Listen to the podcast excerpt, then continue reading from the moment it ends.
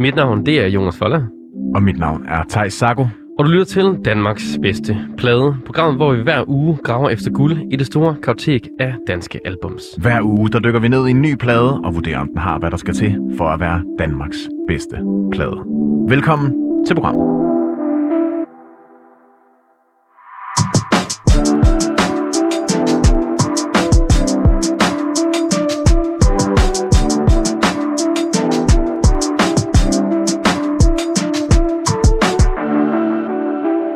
Velkommen til dagens program, hvor vi jo øh, som sagt fortsætter søgen på den allerbedste danske skive Ja, nogensinde.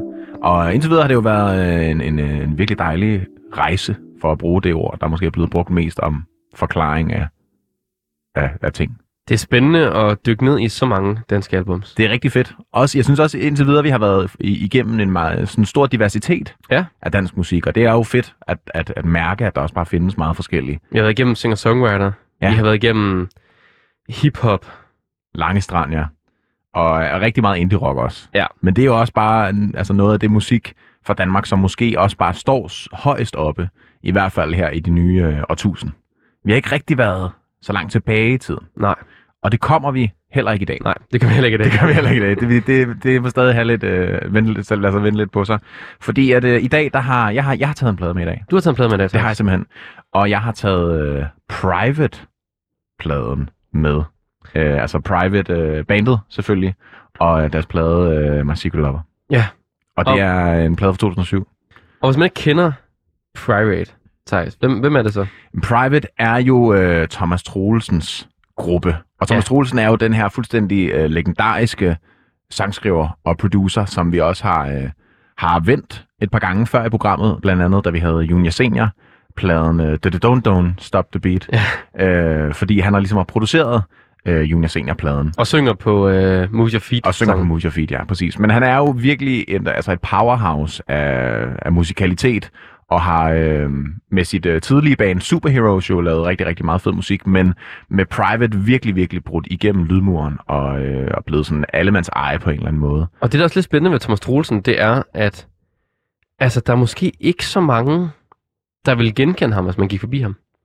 Nej, altså måske lidt efter, han har været med i X-Factor, men det er jo alligevel mange år siden, han sådan på den måde, han er jo en meget... Ja, han var med i X-Factor som hjælper Ja, for Remy, ikke? Præcis. Øhm, men han er, en, en, han er ikke så offentlig en person. Jeg tror egentlig også, han bor i Portugal, as we speak. Ja. Øh, men han har, øh, han har ikke været så offentlig en person, heller ikke. Han var gift med Eva Harlow, øh, og efter det brud har han ligesom bare øh, ikke, ikke sådan rigtig været så meget out there, og heller ikke udgivet musik i eget navn. Han har Også ligesom, som Aura, har han ikke det? det kan godt være. Det er jeg øh, lidt sikker på. Ja, det kan snilt være, at de har været det før, før øh, Eva Harlow. Han er med i Kloven også. Men altså, han, altså så på den måde er han jo ikke en fuldstændig øh, altså sådan Daft Punk-agtig person, man ikke aner, hvordan ser ud. Øh, men han har i hvert fald bare ikke været sådan en som, som medie øh, kælen type, kan man Nej, sige. fordi i dag lever Thomas Troelsen jo mest af at skrive sange. Mm. Og altså, det er nogle... Og en- producere for og ham. producere. Og det er jo nogle enorme numre, han har skrevet. Ja, Ikke? det er han virkelig god til. Altså, han har vir- virkelig fundet... Altså, vi øh, snakker øh, Pitbull, vi snakker Shakira, vi snakker Justin Bieber. vi snakker alle de store. Altså, det, er- det er kæmpe, kæmpe store navne, og øh, han er også virkelig, virkelig... Øh, altså, han er virkelig, virkelig gang i øh, sådan Korea og det der asiatiske marked, Ja, og så har han meget. leveret hits til rigtig meget. Det er jo rigtig sjovt. Det er jo en af mine yndlings sådan ting øh, omkring... Han, altså, det, han var jo øh, Remis øh, hjælpedommer i X-Factor i første sæson, Ja. og øh, hvor Martin for Ørum vandt, eller Nørum, Nørum, Ørum, Ørum. Øh, det er Ørum, ja Det er Ørum. øh, vandt, og øh, præmien dengang var, at man fik en plade, som blev udgivet på Sony eller et eller andet. Ja. Og det var Thomas Troelsen, der havde skrevet og produceret stort set alle sangene. Nogle af dem var lidt sammen med Remy. Og en af sangene, øh, som kom ud, Show the Whole World, var sådan hit-singlen Ja. for den plade. Og den er så efterfølgende blevet solgt til et øh, koreansk band, tror jeg nok. Okay. Koreansk eller japansk, jeg kan ikke huske det. Øh, en til en. Det er lige et par toner lysere, men ellers er hele produktionen det samme. He- sangen er det samme, bare på koreansk. Og det synes jeg bare er så sjovt. og viser også bare, at hans, sådan, hans musikalitet bare kan, kan oversættes så nemt til forskellige sprog og forskellige kulturer, og også bare viser, at han er en gudsbenået sangskriver. Og vi skal også huske at sige, at Private består ikke kun af Thomas Troelsen. Nej. Det er også øh, Asger Tapgaard, som er guitarist i bandet, og sangeren Tanja Simonsen, som ligesom synger noget kor og øh, nogle linjer. Men det er mest Ja, altså det, det, Thomas Troelsen. selvfølgelig kender vi ikke deres personlige historie om, hvordan tilblivelsen af pladen har været, men jeg tror... Noget af den kender vi lidt til. Og det kommer lidt Ja, ind på senere. Det kommer vi lidt ind på senere, men jeg mener bare, at jeg, jeg tænker ikke, at, øh, at der er nogen, der bliver sure, hvis vi kommer til at snakke 95, måske 99 procent om Thomas Troelsen, Nej. når vi snakker om den her plade. Fordi jeg tror, det er meget... Altså, det var også en lidt... Det er en udbrydergruppe fra Superheroes-bandet. Præcis. Øh, fordi at Thomas Troelsen ligesom havde behov for ikke at have nogen sådan rammer. Han skulle lave den musik, han synes var fed. Ja, det vælger han ligesom der i 2006, efter Superheroes går i opløsning. At nu vil han have, have fri leg. Ja. Og han øh, har selv udtalt, at øh, han kommer ud af indie-musikken og ind i popmusikkens verden. Og det er vi rigtig mange, der er rigtig glade for. Ja. Og jeg synes måske lige for, at vi, øh, at vi ligesom kan få, få sat den øh, tonen lidt for Superheroes, Thomas Troelsen i hvert fald. Ja. Vi skal høre øh, en sang af dem, og øh, det er en sang, der hedder Turn Me On.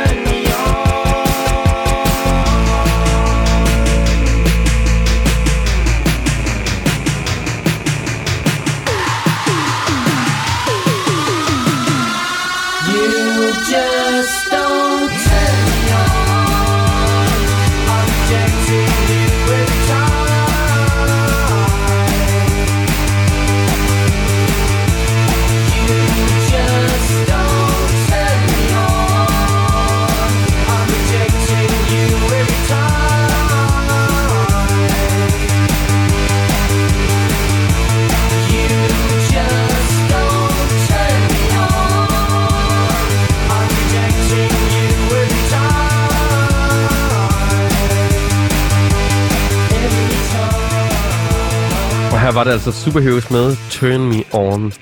Med Thomas Troelsen på vokalen. Ja, og sikkert også på sangskrivningen. Ja, også på I sangskrivningen. hvert fald øh, størstedelen af den, kunne man forestille sig. Og altså, vi- du sagde jo lige inden at vi hørte Superheroes, Jonas, at øh, Thomas Rolsen ligesom selv har udtalt, at han går ud af indie-land og ind i popland. Ja, Og man kan godt forstå det lidt på, på sådan en sang som den her, men, men jeg synes stadig, det er rigtig poppet. Man kan i hvert fald høre den der melodiske tæft, ja, som han har. præcis. Øh, Og også den her store fascination af synthesizers. Ja. Han er jo altså enormt glad for de her synthesizers, de her keyboards, man kan lave alle mulige slags lyde på. hvor man ligesom kan sidde og programmere lyde med nogle oscillatorer og sådan noget. Det er meget... Og både mig og Jonas elsker virkelig, der er sådan en, en, en DR-udsendelse, der hedder Besat af, hvor at Thomas Troelsen er gæst i et af dem. Hvor at det egentlig starter ud med, at han er med, fordi han er besat af plader, Ja. vinyler. Han har en kæmpe samling. 15.000. 15.000 vinyler, som jo ligesom han selv siger, har været hans musikalske øh, uddannelse. Men så finder han- de også lige ud af, når de er ude i hans studie, at når han samler også lige på øh, analog synthesizers, og han samler også lige på italienske jakkesæt fra 2002 til 2007 fra en eller anden bestemt designer og sådan noget. Så han er også en, Han er sådan en meget all-in fyr med de ting, han er blevet fascineret af. Og det her studie, det er også meget sigende, synes jeg, for det her album. Mm. Og vi skal også mere ind på, når vi skal til at dykke ned i albumet, om det her studie. Hvordan det ser ud, hvordan ja. det er indrettet. Fordi sådan studiet har indrettet, er også meget private musik. Ja. Altså det er meget sådan, øh, det er sådan lidt eksklusivt. Det ligner noget ud fra rummet. Ja. Øh, og virkelig, virkelig god smag, synes jeg. Altså virkelig, virkelig, de billeder, jeg har ikke været der selv, men de billeder, jeg ser på nettet, er, det ser helt sindssygt ud. Det skulle være designet, så det ligner noget Werner Panton-agtigt. Det er meget Werner Panton, meget den plastiskt, Mm. øh, og med meget, meget øh, sådan, øh, vibrant Ja, præcis. Og, colors. Ja, det må man sige. Ja. Og det, og det er også sådan lidt, det er det eksklusive miljø, der Private gerne vil, vil leve i, da de så finder sammen. Men inden, Thijs, vi skal til Private og til uh, My Secret Lover albumet, så skal vi lige høre, hvad Thomas Troelsen ellers kan. Det er det. Fordi vi øh, fik jo lidt teaset omkring, at han øh, jo, øh, udover at have lavet Private og Superheroes og ligesom de her ting i Danmark, så er han jo også bare øh, en sangskriver med rigtig stort S, og har jo skrevet for nogle af de største øh, artister i hele verden. Ja. Og jeg synes, vi skal høre en af de sange, han har været, han har været med til at skrive, og det er jo ingen ringer end, øh, end Justin Bieber med sangen Company, der vist var på pladen, øh, hvad var det for en plade? Det var den fra 2015, hvor alle de der Sorry og... Ja, øh, Purpose-pladen. ikke? Pu- Purpose-pladen, ja. Præcis. Purpose, purpose, ja. Øh, og virkelig, virkelig fantastisk sang, den her. Synes jeg i hvert fald lige, vi skal have med, bare for at se, hvad han også laver ude i den store hvide verden. Can we, we keep, keep each other company? Oh, maybe we can be, be each other's company. Oh, company. Listen each other's lonely nights, be each other's paradise. Need a picture for my frame. Someone to share my brain. Tell me what you wanna drink. I tell you what I got in mind. Oh, I don't know your name, but I feel like that's gonna change. You ain't gotta be my lover for you to call me baby. Never been under no pressure. Ain't that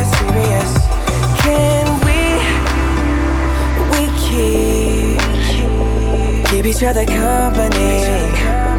Oh, maybe we can be, each other's company. Oh, company.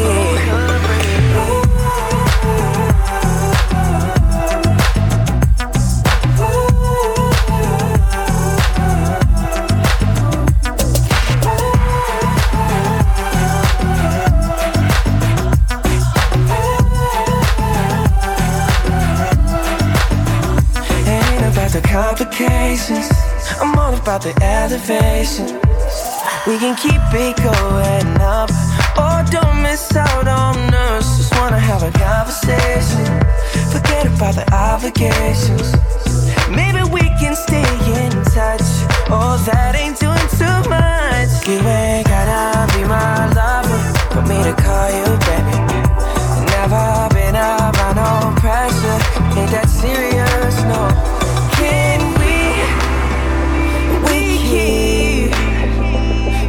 keep each other company. Oh,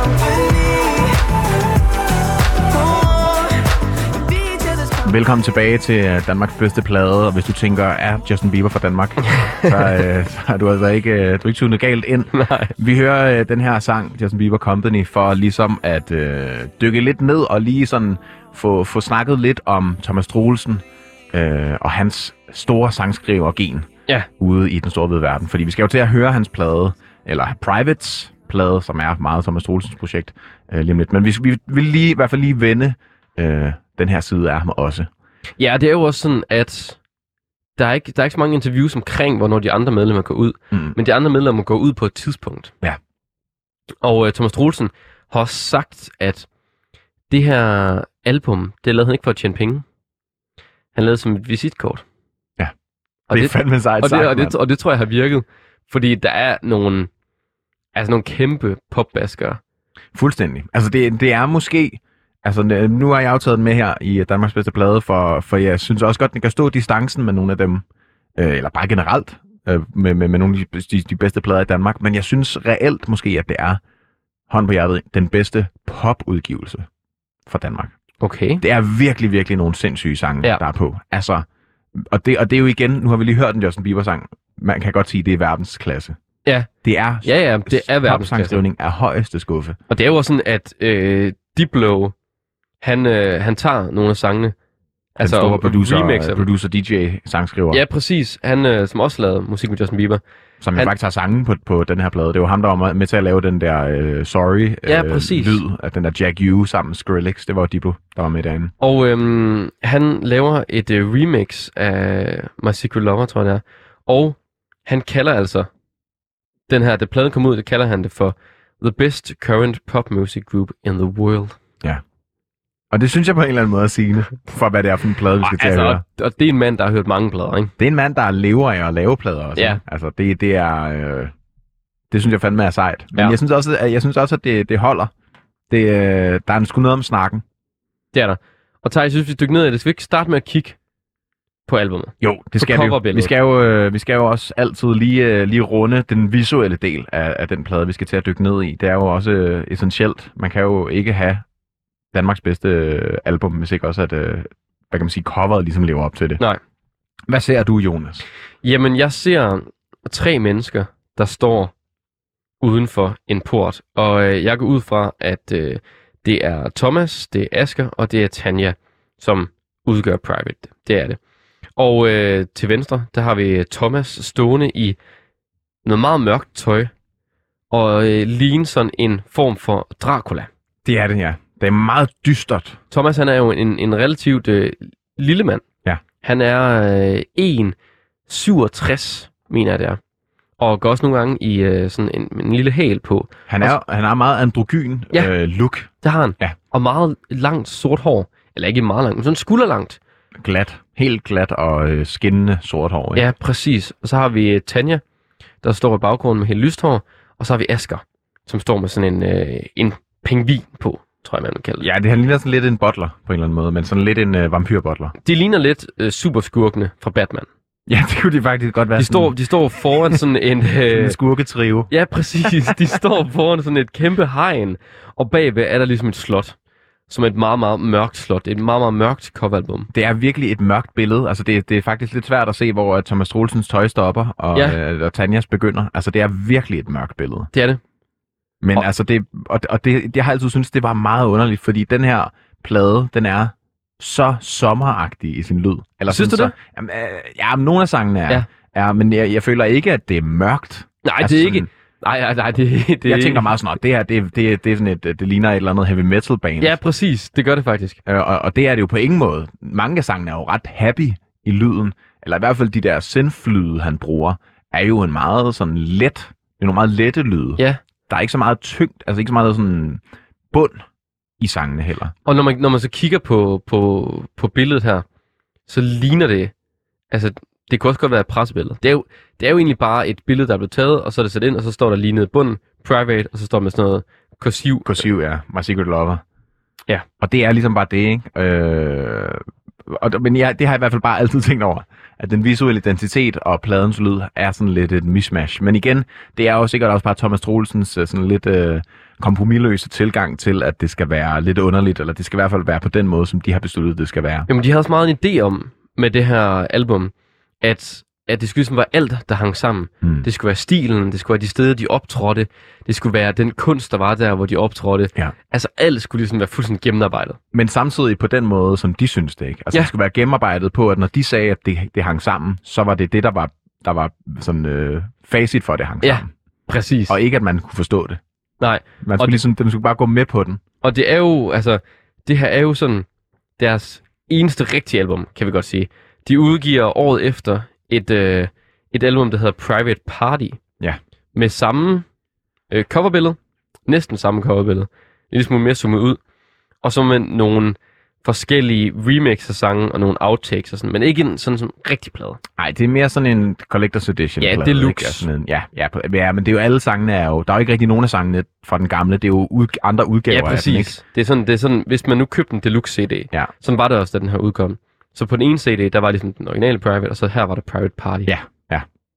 Så det er sådan den eneste pladeplade, øh, fordi han, han sagde også efterfølgende, at han var, efter den her plade, han ligesom også var blevet træt af albumformatet, fordi at, som man... Det sagde han faktisk før pladen. Når han sagde det før, var det før pladen, han sagde Det det? er før pladen, han siger, og det er ret sjovt, at vi har vi skal vurdere, om det er Danmarks bedste album, hvor Thomas Troelsen, inden han udgiver pladen lige op til, faktisk siger, at han er træt af det der med at lave albums. Fordi folk, der lugter han også en lang ende dengang, det var ja. 2007. Han var forud. Folk kører alligevel bare musik på YouTube. Ja. Folk vil bare høre singler. Folk hører alligevel ikke plader, Nej, så er der ikke nogen grund til at lave det i det format længere. ja præcis. Det synes jeg er ret sejt, Ja. men så samtidig lige lave det. Men det er også et visitkort. Det skal Ja, være, det skal være en, en samling af sange, ikke? Det er sådan en CD, han er med, når han lige siger, hvad laver du? Bare hør den her. Bare hør den her. Men ja, og med det, så synes jeg altså, at vi skal i gang med at høre Danmarks potentielt bedste plade, der, der potentielt ikke er en plade. Ja. Ja. Bare en samling sange. og øh, den første sang, som vi skal, som vi skal til at høre her, den, øh, den er skide god. Altså, det er bare en fucking god, god plade, det her. Den hedder We Got Some Breaking Up To Do. Så er vi, ja tak. Yeah. Det er fandme ikke deprimerende, det her. Nej, det er det ikke.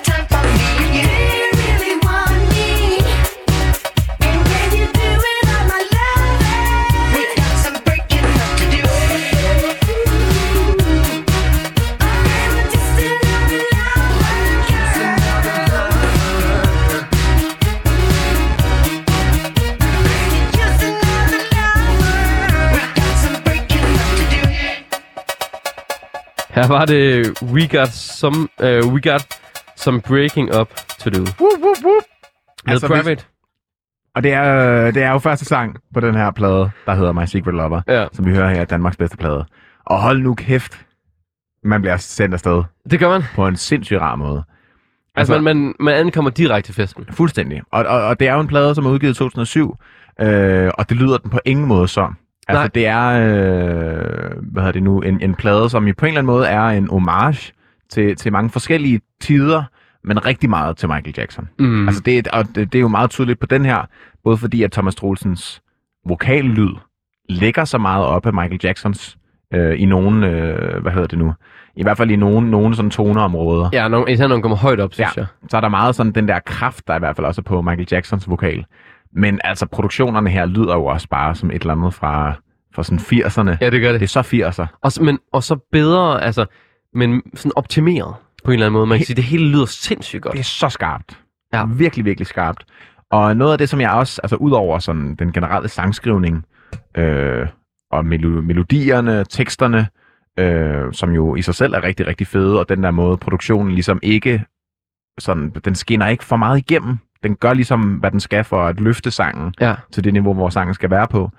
Øh, så, har jeg, så har jeg altid været rigtig, rigtig øh, hvad er det, begejstret for den måde, Thomas Troelsen bruger synthroller på.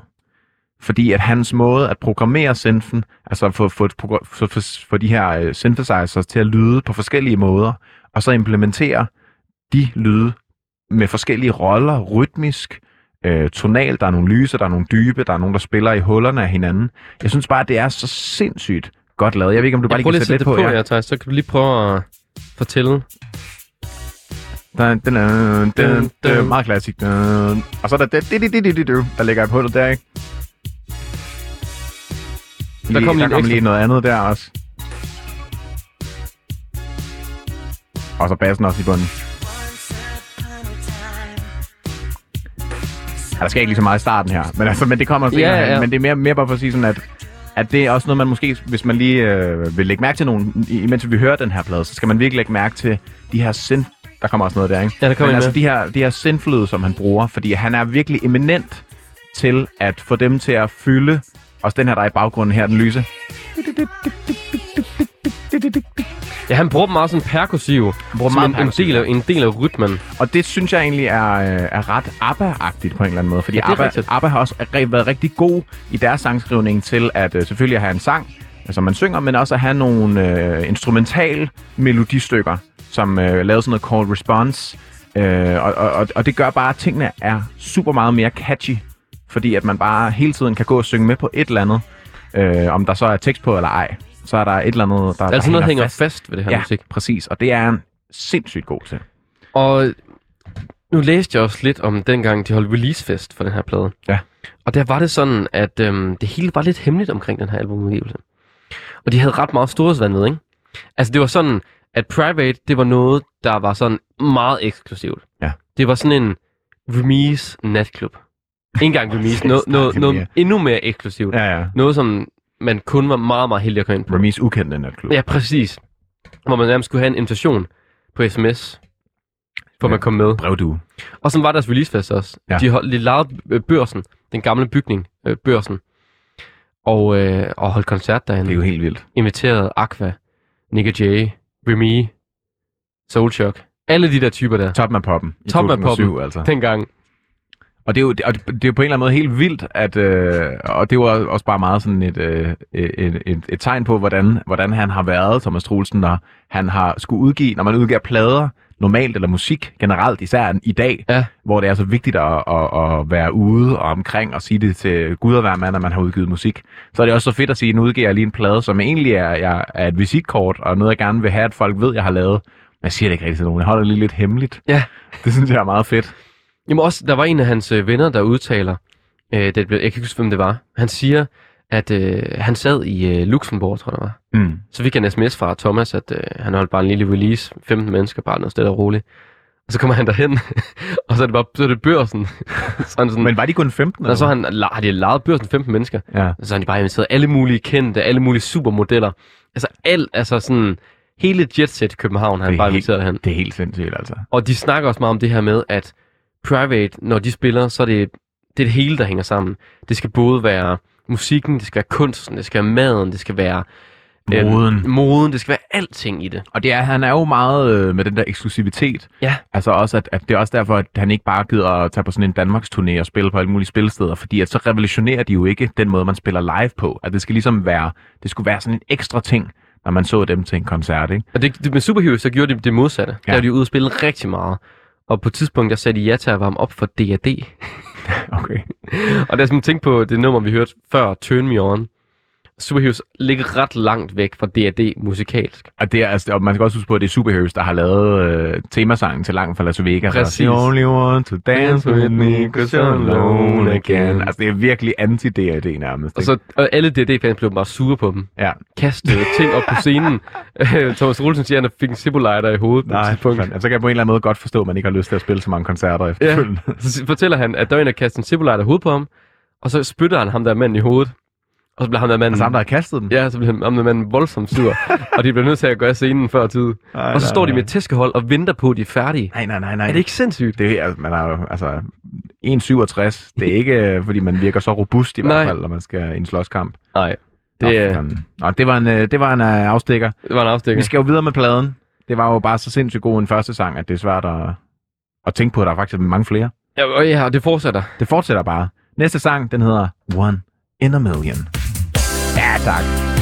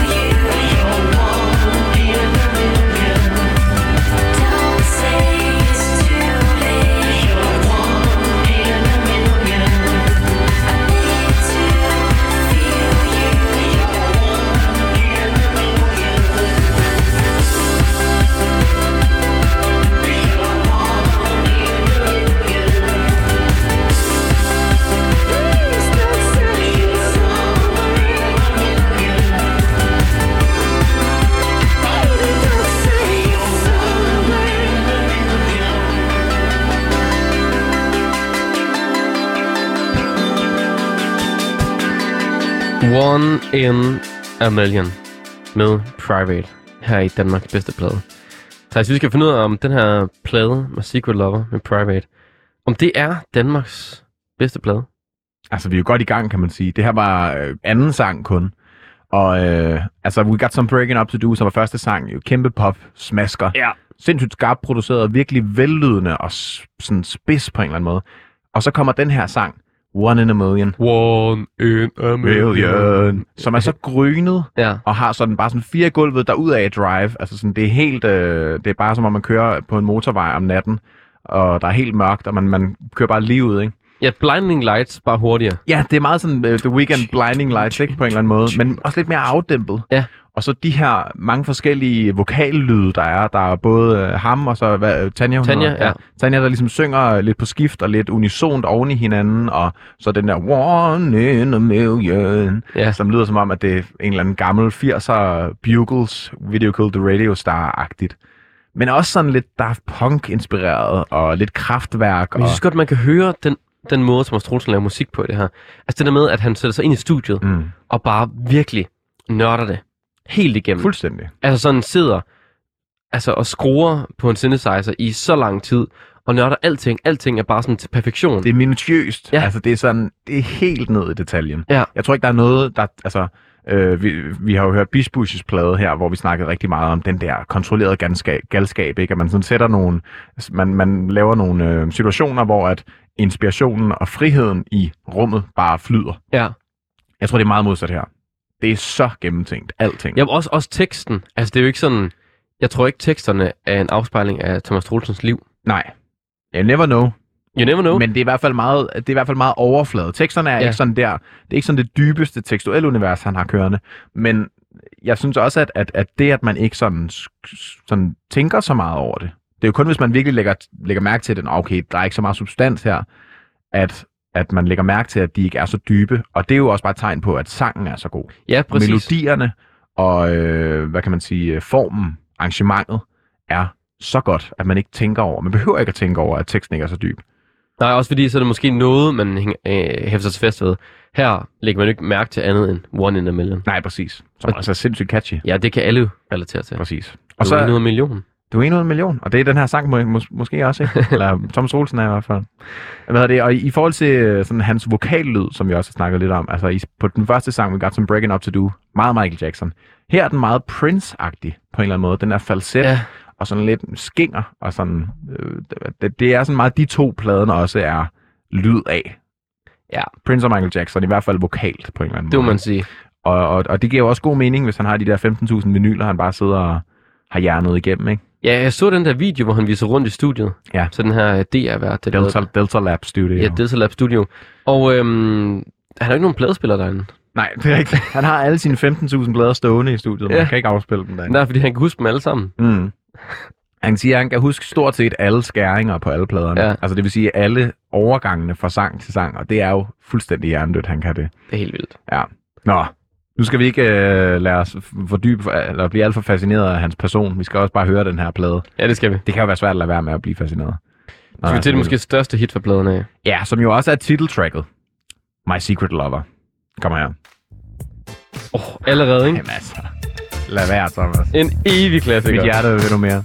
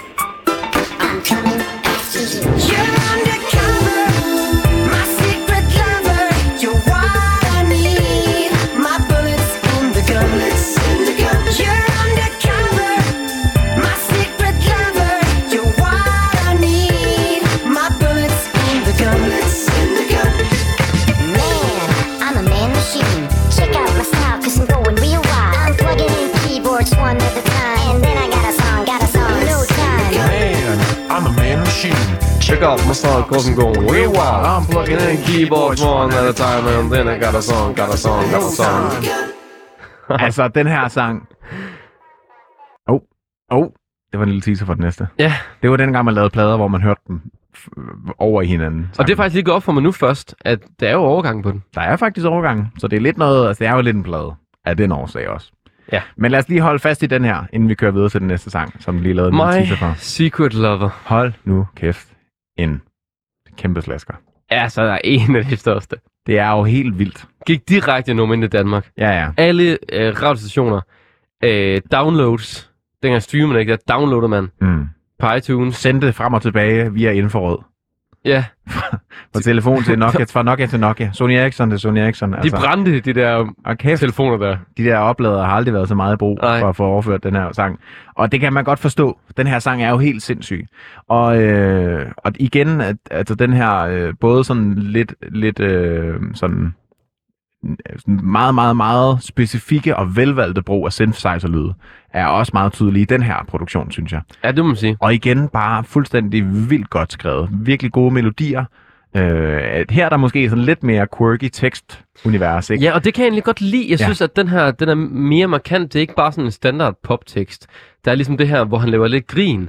Man, I'm a man machine. Check out my style, cause I'm going real wild. I'm Ja. plugging in keyboard. Og det er jo, det er jo Thomas Drolden selv, ikke? Am, jamen, jeg tror, det er ham, der, der siger det, ikke? Men jo, I'm, det, I'm, det, er også ham jo. yeah, I'm plugging in keyboards one at a time, and then I got a song, got a song, no time. ja, præcis. Og det er jo ham. Ja, ja, det er jo bare sådan, han laver musik, ikke? Men også at smide det ind, som er sådan lidt, lidt lol-agtige ting, altså, eller lidt underligt, øh, ind i en sang, som handler om altså, at have sex med en eller anden My Secret Lover, You're Undercover. Altså det er sådan lidt lave en, lave en gimmick på, at, at hun er hemmelig agent, eller det er sådan lidt af hemmeligt, Ja. men så også at lave et, et, et ordspil på undercover, altså man både er sådan undercover agent, men man også er under the covers.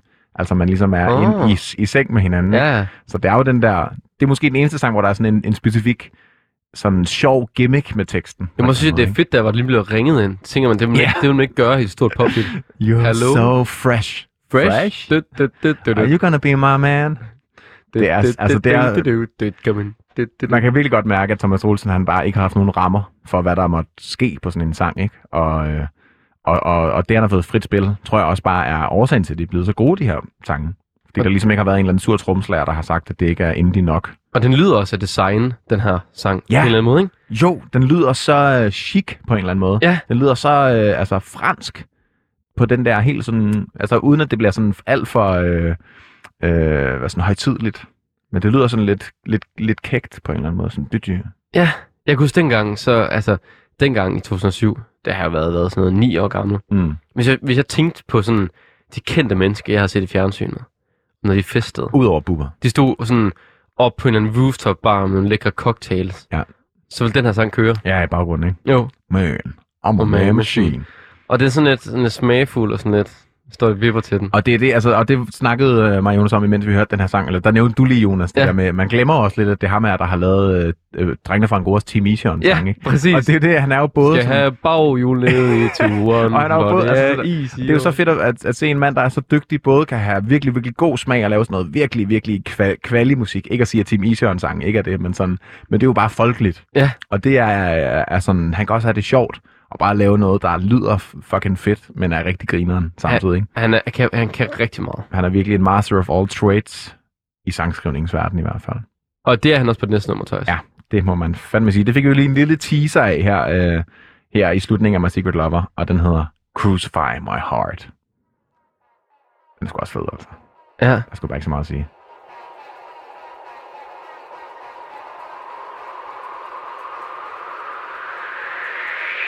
Girl, every time you get me undressed, you move away and make me confess my love for you. You got my heart, so why should I hide it? You say you wanted to, so I fight it like you do. Ooh, you twist it and turn it. Ooh, you twist it and burn it. Ooh, you slice it and burn it. And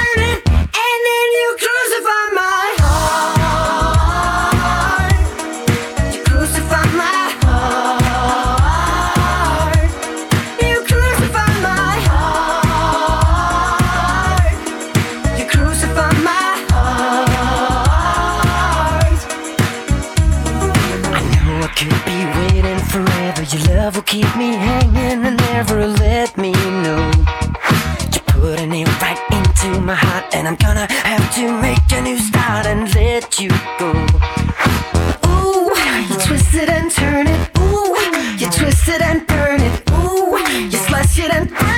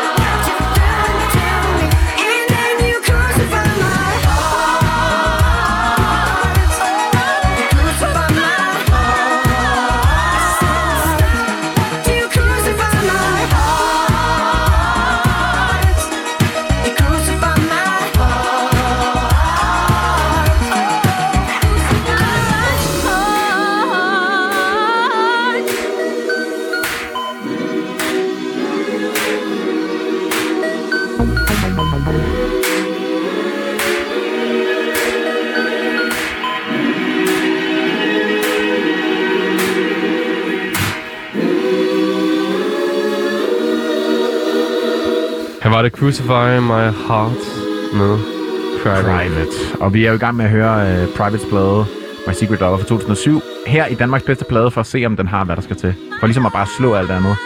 Og det her er jo... Nej, men altså... Ja. Bare det her, bare det nu, det der gospelkor, der kører i baggrunden, ikke? Altså... Det Det er lyder jo noget på Kanye-plade her. Ja, det, det lyder jo som noget, altså fra en eller anden stor amerikansk artist på en eller anden måde. Og øh, jeg, jeg synes, det er så godt skruet sammen. Måske er verset, det synes jeg ikke er så spændende. Nej.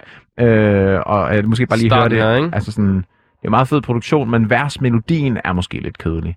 Men alt efter det, altså, og det er kun fordi, man ved, hvad det står i kontrast til. Ja, præcis. Det står i kontrast til, hvad han ellers kan levere. Ikke? Den her melodi er bare sådan lidt... Den er fin. Men vi skal bare lige høre, vi skal lige høre broen. Ja, Og især de, de, de sindflyd, der kommer her, det der kommer nu. De der... Burn it. Jamen, det er så sindssygt. Det er så sindssygt produceret, sindssygt skrevet. Og så det her gospelkor, der bare kommer ind. Ikke? Og det er jo, det er jo, det trækker jo på så mange forskellige referencer. Der er meget funk, der er meget disco, der er meget, øh, jamen altså, gospel.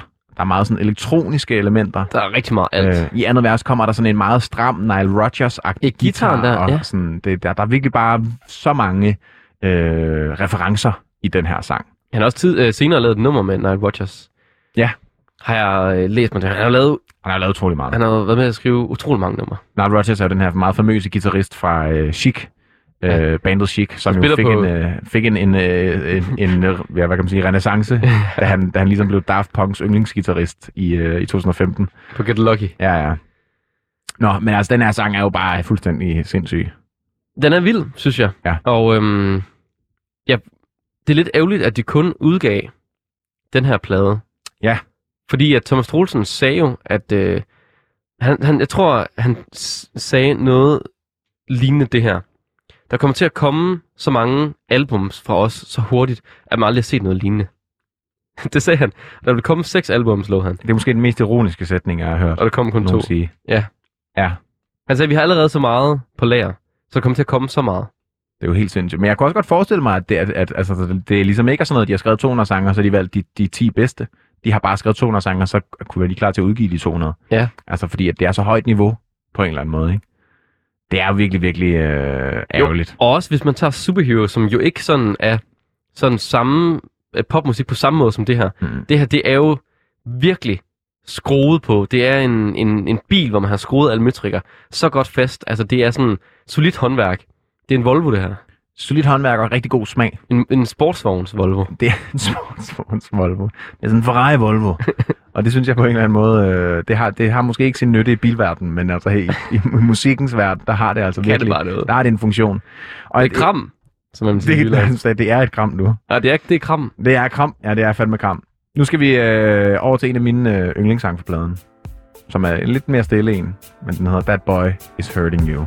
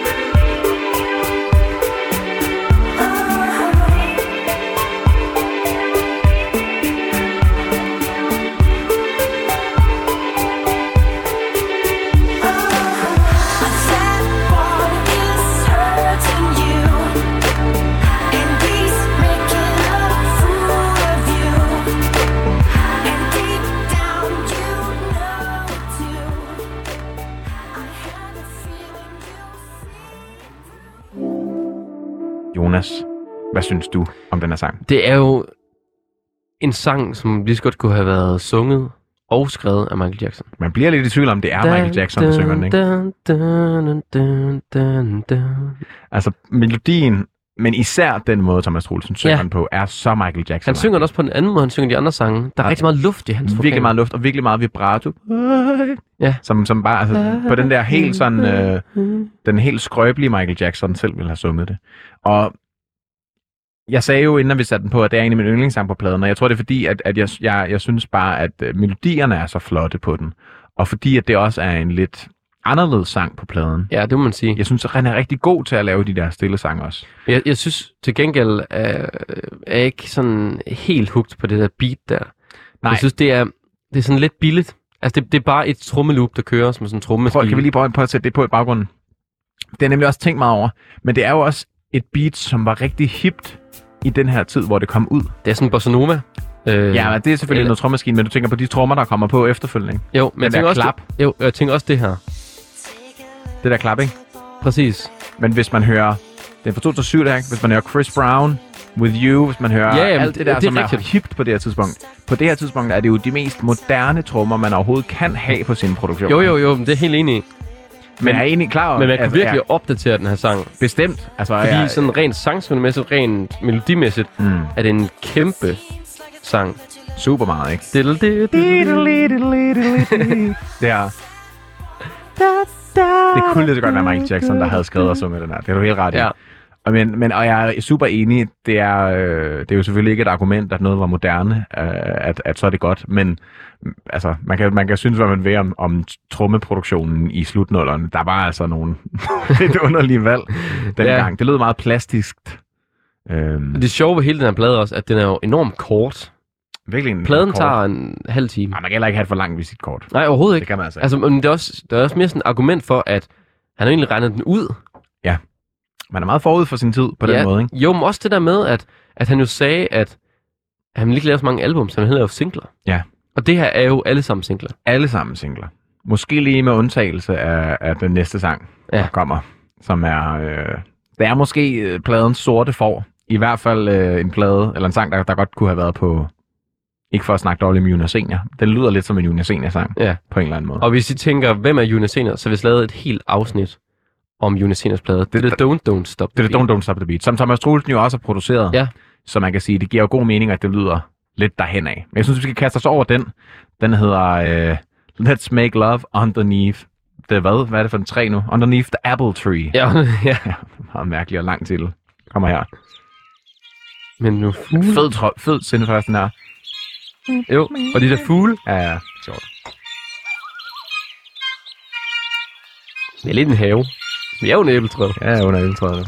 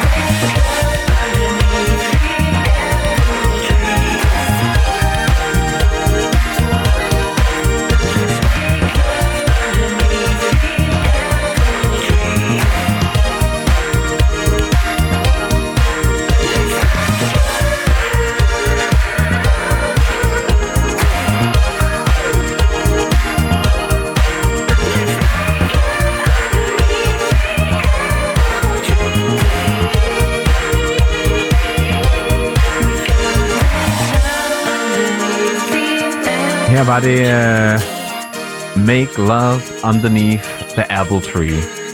Private. er vi i gang med Ja.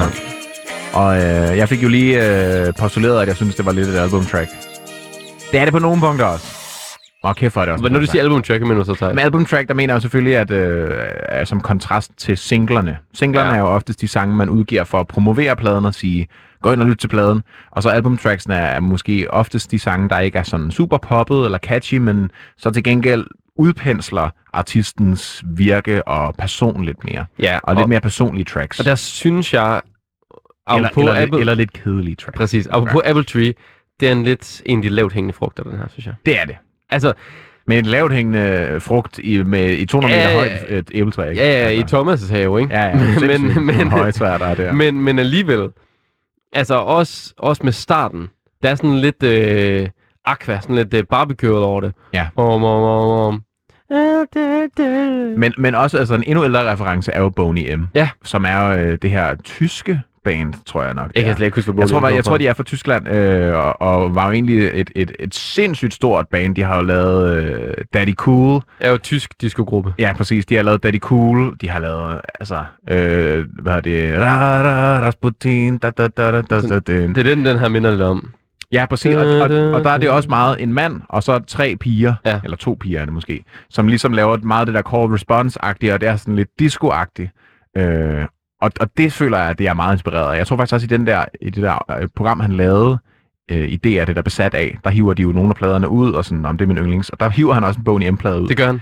øh, og synes, at det er fantastisk musik. Han elsker det. Jeg har købt nogle af de synthesizers, de brugte til at lave det på. Præcis. Så jeg tror også, det her det virkelig er en homage.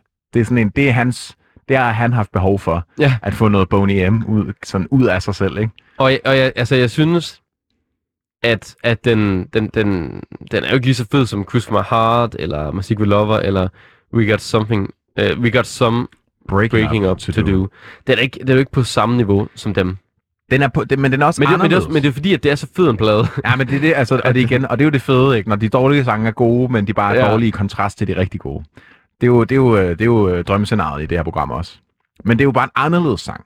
ja, det må man sige. Fordi at, altså, udover at han bare er god til at skrive sange, som øh, er så gode i sig selv, så er han også bare eminent til at imitere. Fordi det virker jo meget autentisk. Det lyder ikke som Boney M, men man kan godt høre referencen meget tydeligt. Og det er jo på en eller anden måde de bedste øh, former for imitation, ikke? Ja. Når man, når, man, når man ikke stjæler, men man bare tager de elementer, der fungerer, og putter dem ind i en ny kontekst. Ja, det er han jo ret god til i forskellige genrer. Tag ting fra forskellige genrer, og så blande det sammen. Fordi selv den der, øh, hvad hedder det nu, øh, øh, That Boy is, is uh, Hurting You, som lyder en til en som noget Michael Jackson. Men det lyder ikke som en billig kopi af Michael Jackson. Nej, det gør det ikke. Det lyder som Michael Jackson. Ja, det, det, det er jo det, der er helt sindssygt, ikke? Det- altså, det er sgu vildt. det er sindssygt. Det kræver talent. Ja, det gør det virkelig. Nå, vi skal jo videre med den her plade. Og ja. øh, den næste sang, den hedder Killer on the Dance Floor. Jamen, der er også lige lidt ambient lyde. Synf igen. Sindssygt igen. Er du sindssyg? Er du sindssyg? sindssyg?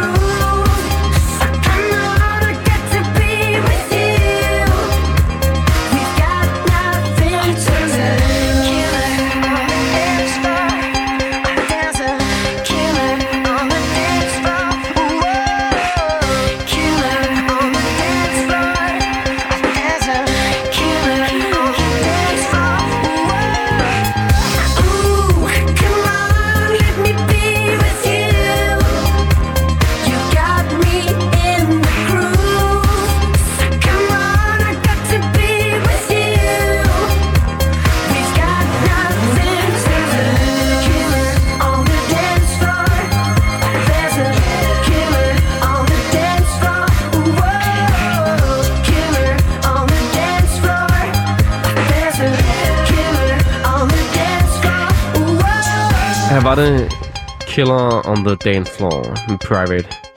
Du lytter til Danmarks bedste plade, hvor vi skal finde ud af, om øh, den her synthesizer er en del af Danmarks bedste plade.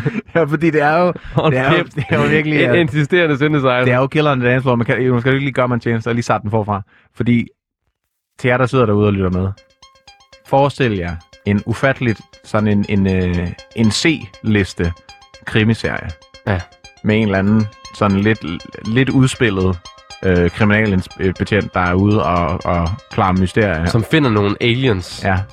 Det er sådan lidt en kombination af Stranger Things og MacGyver, føler Ja, jeg. det er. præcis. Og det, men det er bare så spot on, føler jeg, det her soundtrack på en eller anden måde, ikke?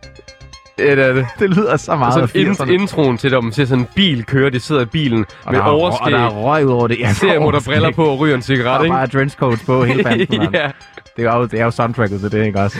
og kører ud. Og så starter hele serien med, at de finder et mor i en bil, ikke? Ja, ja. Og så ikke alt det her. Der Så ikke, ja, så er der noget pjat resten af tiden, du. Ej, men det er jo øh, Killer on the Dance Floor, vi lige har hørt. Og øh, igen, altså, det, er utrolig skarpt på nogle meget specifikke genre-ting. Det her det er jo virkelig igen 80'er-agtigt, men på den der meget plas, plastic synth-agtige måde, ikke? Øh, arpeggiator, det er sådan lidt mere dreamy, men så, øh, når sangen så går i gang, så er det sådan lidt mere, det er sådan lidt mere stabs, bam, bam, Ja. øh, som jo egentlig er sådan lidt Bo- Bon Jovi, It's My Life. ja, it's my life. No song for the broken hearted. Bam, bam. Øhm, men umiddelbart er det ikke sådan, det er ikke min yndlingssang på fladen. Nej, heller ikke min. Og det, jeg ved ikke, om det er sådan, om den bare ikke kommer helt ud af pappet. Det, det, er, ikke, fordi, det, Den er, og det er ikke, fordi den er dårligt skrevet. nej, nej, nej, men det er som om, den ikke helt letter. Mm. Altså, det er som om, at den ikke øh, kommer ud af atmosfæren, hvis det er en rumraket, ikke? Altså, Ja, ja, det er, den bliver derinde. Den er bare sådan i orbit, inde, Ja, inde i atmosfæren, præcis. og lige under skyerne. Den kommer slet ikke ud. Og, øh, og, det, så, og så imens vi snakkede lige om det, imens vi hørte sangen, så sagde du, Jonas, den her, øh, ligesom nogle af de andre plader, vi har hørt, det er lidt det samme. De første, den første halvdel er god, og den sidste halvdel. Præcis. Den lidt- første halvdel er fyldt op med... Hits, hits, hits, hits. hits, hits, hits. Og det har det jo været på mange af de plader, vi har hørt. Og så kommer vi bare lige til at snakke om, at det er jo måske også et tegn af tiden, fordi her der blev der stadig solgt plader, altså CD'er. Streaming var ikke rigtig. Nej, det var ikke engang en ting. Nej, var det, streaming var ikke en ting. det var først 2008, ikke? Downloads var lidt en ting. Downloads var lidt en ting, men, men, men streaming var ikke, så man Nej. kunne ikke bare gå ind og sige, når han har udgivet en ny plade, jeg hører sidste sang først. Det kunne man godt, så skulle man aktivt gå hen og sætte CD'en på og springe over Ja, til den sidste sang. Så det vil være meget, meget underligt at gøre. Så det er måske også et, et, et salgsvalg at lægge alle de stærke sange først på pladen, fordi at så hørte man måske dem nede i butikken. måske var noget pladeselskaberne opfordrer til. Præcis. Alle de stærkeste sange, selling pointsene, de skal ligge i starten. Ja. Og så var det sådan, det var en salgstaktik. Det kan det jo meget vel være. Det er jo ligesom en god artikel, ikke? Jo. Der skal, man skal have det hele i overskriften. Og de regner med, at man måske lige hører 3-4 sange af pladen, og så hører man måske ikke mere. Og det skal så være de bedste. Ja. Du skal have det bedste først. Og det får man her. Det får man fandme her. Ikke fordi det andet er dårligt. Det er bare ikke lige så godt. Det er bare ikke lige så godt. Og jeg synes, Thijs, nu når vi øh, hører det her nummer, jeg synes lige, vi skal også skal prøve at snakke om det studie. Alt, hele pladen er lavet i. Det må man gå ud fra, det er i hvert fald det meste af pladen er for lavet i det her studio, som hedder Delta Lab. Delta Lab. Og det er jo øh, Thomas Olsens øh, studie, som øh, jeg, jeg ved, han også nu for eksempel leger ud til andre øh, danske sangskriverproducer og artist Vera, øh, har i hvert fald også siddet ude i det og har brugt det meget. Det er ham, der har lavet, øh, øh, hvad er det, hvad hedder det nu, Paris Ja, med Lord Siva. og det ligger altså i København. Og det ligger i København. Jeg tror, det ligger i Nordvest eller Nørrebro. Eller Titangade. Titangade. Og øh, det er jo øh, designet og bygget, nok ikke øh, håndkraft af øh, Thomas Troelsen. Det ved jeg ikke. Han, øh, det kan godt være, han, øh, Altså, det tror jeg så ikke. han, er, en, øh, han er en håndværker. Jeg tror ikke, han er handyman med en, øh, med en, med en boremaskine. Umiddelbart. Er det, fordi han er en- 1,67, du siger det? Nej, det er fordi, han har brugt så meget af sit liv på at lytte til plader, at han må simpelthen ikke også kunne nå at lære at Ej, bruge men man kan godt, man kan godt bo af, mens man lytter til Ikke musik. mens man skruer på synthesizer. Nej, det, det er det, han har skruet. det er det, han har skruet i sit liv. Han fortæller jo også, øh, Han har skruet sange sammen. han fortæller også på, øh, på et tidspunkt øh, i et interview, at han har smadret hans synthesizer så meget, dengang de spillede med, øh, med Superheroes. Nå, for fanden. Den smadrede den til alle koncerter. Det var frygteligt dyrt at få den repareret. Ja, det er en sindssygt dyr hobby, han har fået sådan der. Nå, men i hvert fald under alle omstændigheder, så er det ligesom et, altså, det, det er et studie, der er lavet efter hans øh, idé og efter hans smag. ja. Og øh, det er, altså hvis, hvis, man, hvis man lige sidder i nærheden af Google, som man jo ofte gør i, med Google i lommen, så kan man lige søge på øh, Thomas Troelsens studie, eller Delta Lab Studio. Øh, Deltalab.dk? DK kan man se, men, altså, men også det. bare på, på Google er der altså, og det ligner altså både noget fra en eller anden øh, chic, det ligner sådan en chic tv-studie på et eller andet måde, men det ligner, det gør også, det. Men det ligner også et rumskib. Det gør det også, og det ligner også en klub på en eller anden måde. Det ligner også en klub, og det er sådan røde plastikvægge ind i det rum, hvor man sidder med mixeren, hvor der er sådan nogle små øh, bobler, der, der sådan stikker ud. Og så inde i indspillingsrummet, der er det øh, sådan skiftevis hvide og sorte, stregede vægge, med Ja. også de her plastikbobler, der stikker ud i det hvide. Og så er det et helt hvidt gulv, og så er det et sort-hvidt øh, mønstret gulvtæppe, og altså sådan, det er så stilistisk rent. Og har man bare set øh, få øvelokaler, få studier, så når man kigger på det her, så ser det fuldstændig vanvittigt ud. Ja, ja. For sådan nogle studier ser altid mega rodet ud, der hænger kabler over det hele. Der og- ligger lige en pakke snøfler over hjørnet. Ja, sådan noget, præcis. Det er det her ikke. Det her er et studie, hvor man ikke spiser snøfler. Her spiser man kage fra Le Glas og drikker champagne. Man spiser ikke kage. Jeg tror faktisk slet ikke, man indtager noget. det tror jeg heller ikke, man gør. Man indtager øh, altså selvhad og mindreværdskomplekser. Det er det eneste Ja, det, ting. det er, når man ser det i hvert fald. Altså er du sindssyg? Man føler, at alt, man nogensinde har taget på af, af tøj, har været sindssygt billigt og grimt. Ja, i forhold til det her. det er så stilistisk. Og det, og det kan man jo også sige, at Thomas Troelsen jo også virkelig er en mand med ufatteligt... Øh, god smag er jo, er jo et, et bredt... Det kan man jo så være enig eller uenig om, man kan lide det. Men han har en meget specifik smag. Også det her med, at han ligesom... Så har han de her jakkesæt, Hvad er det for en jakkesæt, Thijs? Jamen, jeg, jeg, jeg kan ikke huske, hvad de er fra. De er fra en eller anden, et eller andet specifikt modehus. Jeg tror, det er Armani. Men fra 2002 til 2007, hvor der var en eller anden specifik chefdesigner, der, var, øh, der lavede øh, designs for Armani. Og dem var han bare forelsket sig i. Så derfor så har han bare købt en samling af de her jakkesæt, som man så går i. Øh, altså, det sagde han så, da det her program blev sendt i 2013 eller 14, det var, tror jeg det var. Så gik han bare med dem til hverdag. Hvor han, han, som han selv siger, måske ikke mødte andre end pædagogen, da han afleverede sin søn i ja. børnehaven om morgenen. Så tog han alene i studiet. Og det var det. Men han havde jakkesæt på. Dyrt, skræddersyet jakkesæt på. Fordi han selv synes det var rart at gå rundt i. Og det synes jeg bare er så sejt, Ja. at bare at, at gøre ting, fordi man har lyst til Og det. jeg tror også, det er det, der gør musikken her, Thijs. Altså, Ja. det, det er den måde, studiet ser ud på. Det er alle de, alt det gear, han har i det studie. Det er det jakkesæt, han går i. De ting, han indtager. Jeg spiser så meget på restaurant. Altså, det er det her sådan lidt... Øhm, Det er et meget kompromilløst liv. Ja, præcis. Og det er det, der gør pladen. Altså, det, er, det tror jeg. Han er ikke, altså det, den er meget uh, unapologetic, for at have et, et manglende dansk ord for det. Altså det er meget, øh, han har fandme ikke spurgt om lov Nej. på nogen måder. Altså han har bare lavet det, fordi altså lige nu er den jo, det er måske faktisk det bedste, ah, måske hvis vi har spillet den her i radioen sidste år eller forrige år, så havde det jo nærmest lyttet så moderne, som den overhovedet kunne, fordi 80'erne er tilbage. Ja. Men i 2007, altså, hvad, det var hiphop, det var øh, sådan lidt lollede, storladende produktioner, og så var det sådan noget indie-rock. Ja, ja. Er du sindssygt indie rock? Nephew. Ja, ja. Det var ikke noget, der lød sådan her. Nej, overhovedet ikke. Det var jo det mest modige valg at lave en 80'er-inspireret popplade. Meget også, altså, og det siger så meget om Thomas Troelsen, at da han gik i folkeskole i 9. klasse, altså allerede inden 9. klasse, begyndte han at gå med makeup. Han kommer fra Skive, ham her. Han kom fra Skive. Ja. Altså, nu er jeg jo ikke fra Jylland. Jeg er fra provinsen dog, så jeg forstår lidt, hvor, hvor meget ham her var blevet mobbet. Men han blev ikke mobbet. Nå, der Han blev, det han, blev, han blev heller ikke elsket. Nej, nej. Altså, han, han, Han, var, var, sådan, lidt, han var sin egen. han var der. Han var der bare. Og, og han fortæller, at han stille og roligt begyndte at gå make op, så ingen opdagede det. Mm. Men han var den her type, som bedst kunne lide at sidde derhjemme og skrue på hans øh, gear. Og det har jeg så meget respekt for. Jamen, det, han er virkelig indbegrebet af en musiknørd. Ja. Eller bare en, et menneske, som Passion. har fundet ud af, hvad han godt kan lide at fylde sit liv med, og så gør han det. Og det synes jeg er bare så sejt. Altså, Mennesker, ja, der tør at gøre man det, kan- de man kan- for. Man kan jo sammenligne ham lidt med, med nogen, der virkelig har vidst, at det skulle være svømning. Mm. Og så gået hjem og trænet og trænet og trænet. Mm. Jamen, han er fuldstændig... Altså, er det, er jo, det er jo øh, Michael Jordan. Altså, sådan, på, Ja. altså sådan, bare, det der, bare det der hver dag, så kommer man bare ud og skyder øh, 1000 bolde, ikke? Fordi at det, det kræver det for at gøre det der, men man kan heller ikke lade være på en eller anden måde. Det tror jeg også, han, øh, han ligesom har været, har, været, øh, har været hans mentor. Altså, jeg tror ikke, at han har valgt det. Jeg tror, jeg tror at det ville have været mere et aktivt valg at lade være med at lave musik Det tror jeg Thomas også. Troelsen. Eller i hvert fald lade være med at have musik inde på livet på den her måde, ikke? Nå, men nu skal det heller ikke blive så filosofisk. Jeg synes bare, det var lige fedt, og at vi lige fik vendt det her studie, og hvem han egentlig Jamen, er. det, er, men, jamen, det betyder meget for pladen. Det betyder rigtig meget for pladen, at lige at finde ud af, hvordan, hvordan det her lokale, altså det har været så vigtigt for ham, at omgivelserne omkring skabelsen af pladen også har været præcis som han ville have dem. Og det, det synes jeg bare er sejt, at det er så all in. At han ikke bare kunne sidde i et eller andet kælderlokale på Nørrebro uden vinduer og kigge på nogle grå øh, skiferpladevæg eller eller noget. Nej, det- skiferplader, MDF, Ja, ja, men- MDF-plader. Ja, ja, sådan Ja, ja. Men det er som om omgivelserne og alt det, han altså, begiver sig med, betyder så meget for ham. Mm. Kultur og kunst og musik, og det er et virvar, ikke? På en Og det, og det er den øverste klasse. måde. Ja, ja. Når han spiser på restaurant, så er det jo ikke bare bones.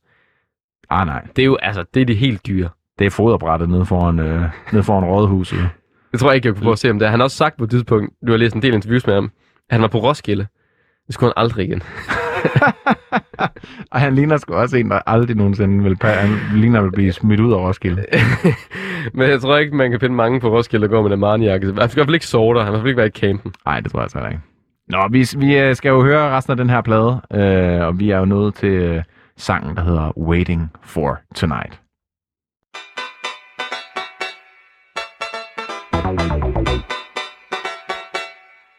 I'm waiting for tonight.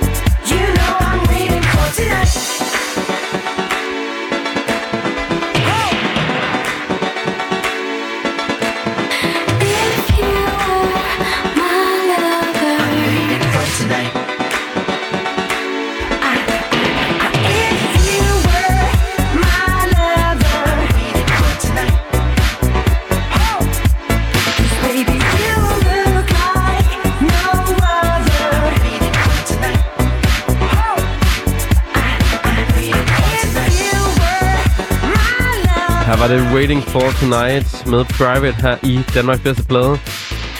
Og Thijs, vi skal jo...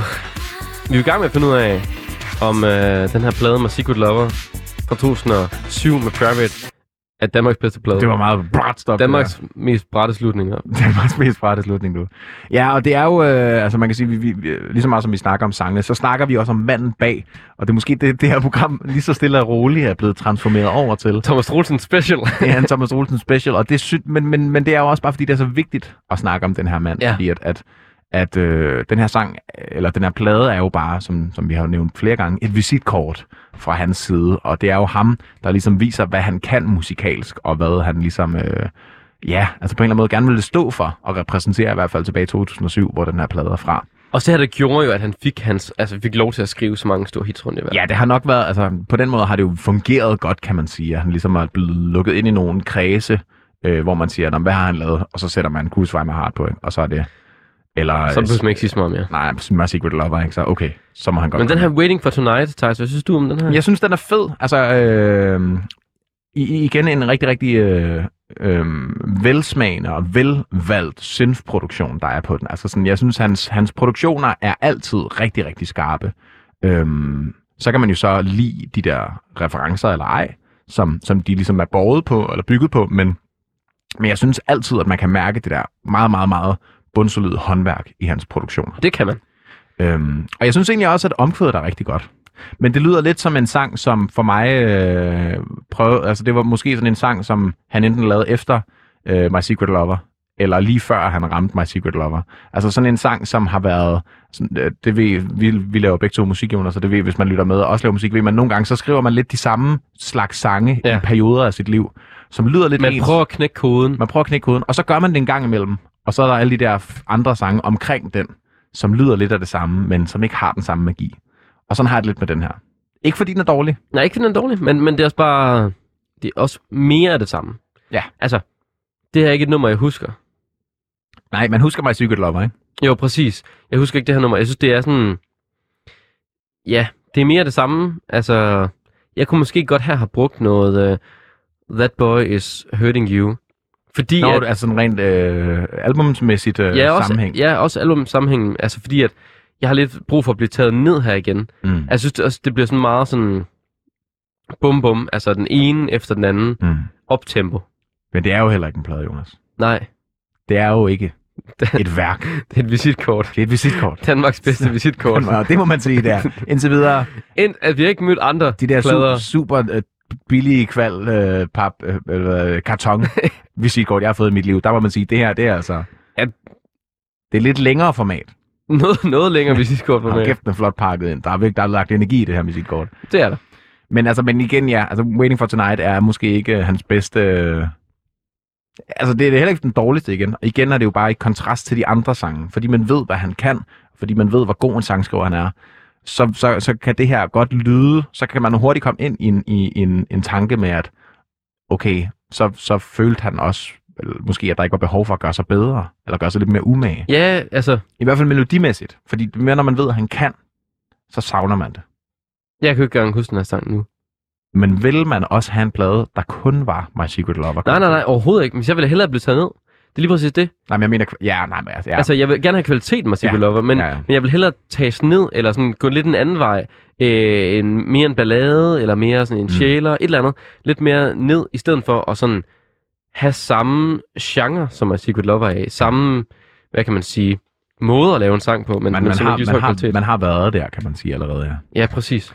Nå, altså vi, øh, vi skal også høre de sidste to sange på pladen, inden vi ligesom dykker for meget ned i øh, yndlings- og ikke-yndlingssangen. Jeg kan ikke vente på det næste nummer, Thijs. Hvad Ja, hedder det? Henrik. Den hedder I Can't Wait. Kom her. Igen, pladestop. Ja, man kan godt lide lydeffekter også, altså. Ja.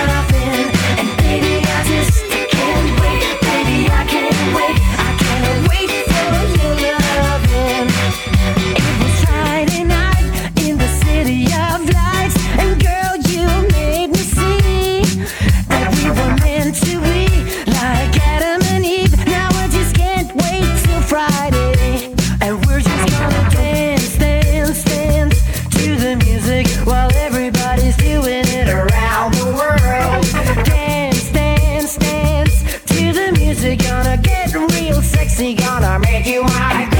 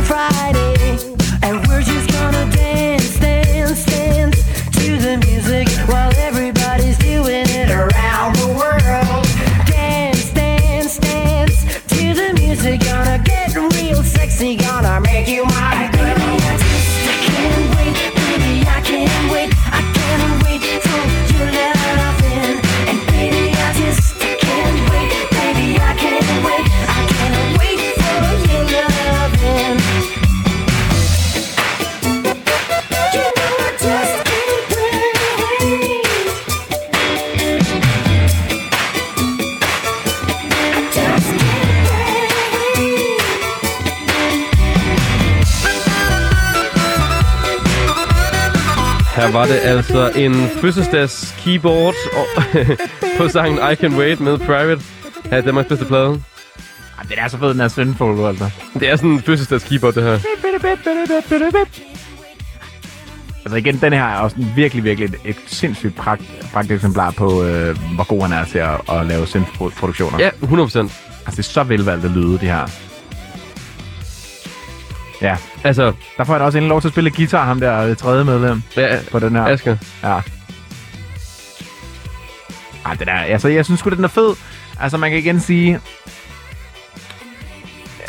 Altså, øh, hvis man sætter dem op imod titanerne på den her plade. Ja. Crucify My Heart, My Secret Lover. We Got Some Breaking Up To Do.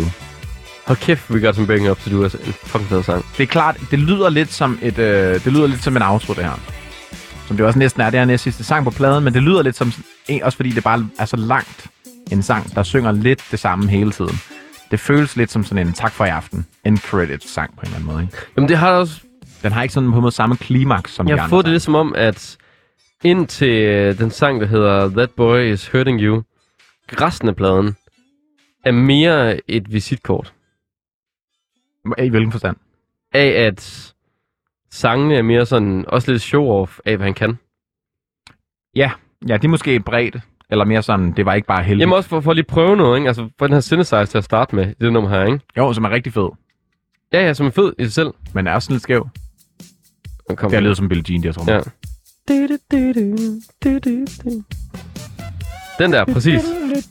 Men også sådan super Prince-agtigt. Det kan godt lyde Meget. Som, det lyder også meget jammet. Det kan godt lyde som sådan en, så spiller bandet bare, og så Prince lige går over til synfen.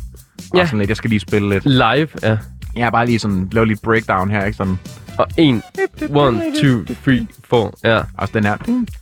Bum, bum, bum, bum. Ja, præcis. Og der, altså, der, øh, jeg ved ikke, jeg synes, jeg, jeg taber lidt på det nummer. Men jeg kan godt forstå det, Det, det, blev, det blev Men- for meget sådan... Øh, Men det er også fordi, at den der stramhed, der er i uh, mange af, af de første sange, hvor alle stykker er kalkuleret, alle stykker er skåret så meget ind til benet, at der ikke kan fjernes mere, så vil det ikke hænge sammen. Der er det her mere løst. Ja, nemlig. Og den der, Den løsner ligesom op pladen. ja, og det, og det er både godt og dårligt, synes jeg personligt, men, Ja. men, men det er i hvert fald bare anderledes end første halvdel af pladen. Hvor det her er jo klart mere jam. Ja, præcis. Det er jo klart mere, øh, vi, ser, jeg prøver lige nogle ting af, og, og øh, vi lader se, hvor lang tid vi kan trække den. Mere et visitkort. Ja. Altså, meget. og det, og det, det synes jeg måske bare, der er lidt ærgerligt. Det er det bestemt, og igen, det er jo heller ikke en plade. Det kan godt være, at den bliver diskvalificeret lidt sig selv på en eller anden måde, hvis vi bliver ved med at sige det.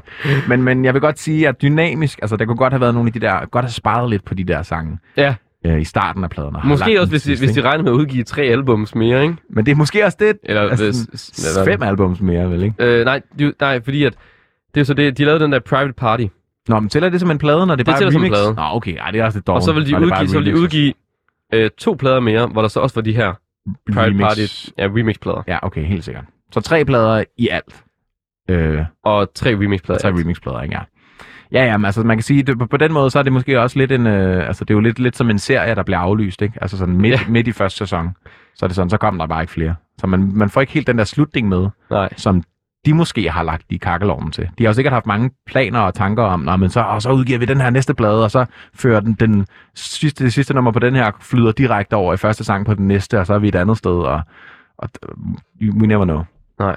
Men nu skal vi til det. Den sidste sang på pladen. Strangers in the Night.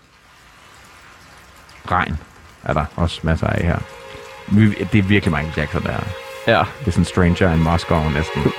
altså, Jeg talte også den her, øh, de ja. stryger her. ja.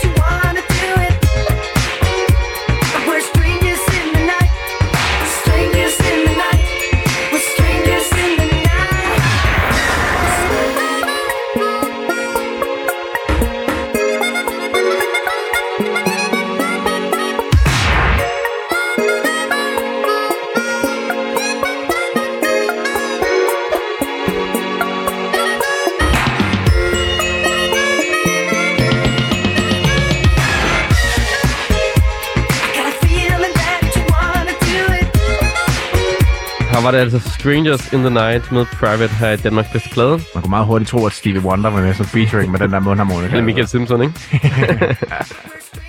Og det var altså øh, 10.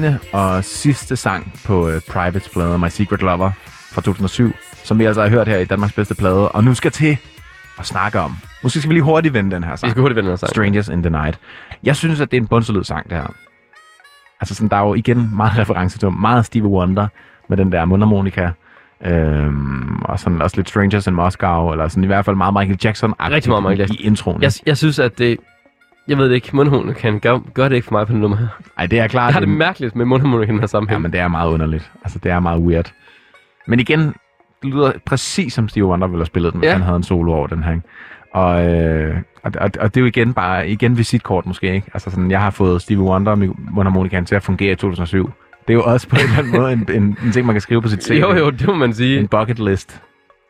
Men Det det, jeg tror også mere, altså uden at kende Thomas Troelsen og vide, hvad hans humor er, så kan jeg forestille mig, at det også er lidt sådan en fucking grineren idé, det gør vi. Ja, Det, og vi, og det vi får det til at fungere.